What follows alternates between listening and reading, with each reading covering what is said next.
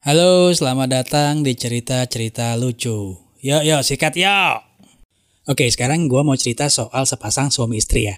Jadi ada sepasang suami istri yang udah nikah selama 30 tahun. Dan hubungan mereka tuh selalu harmonis. Jadi setiap malam mereka itu ML-nya itu matiin lampu. Dan alasan dari suami dia malu gitu lah. Tapi sebenarnya alasan utamanya adalah karena sang suami itu takut kalau dia itu nggak bisa muasin si istri. Lalu dia pakailah alat bantu yaitu berupa dildo. Suatu hari, sang istri yang udah penasaran banget selama 30 tahun ML pakai lampu dimatiin, akhirnya secara tiba-tiba tuh nyalin lampu. Dan dia lihatlah sang suami itu ternyata pakai dildo. Nah dengan marah, frustasi, dan juga nggak terima, si istri tuh nanya ke suaminya, Eh laki, kenapa lu pakai dildo? Jelasin ke gue sekarang juga. Tapi ternyata respon dari sang suami itu bukannya takut, gugup atau apa, tapi bahkan lebih marah.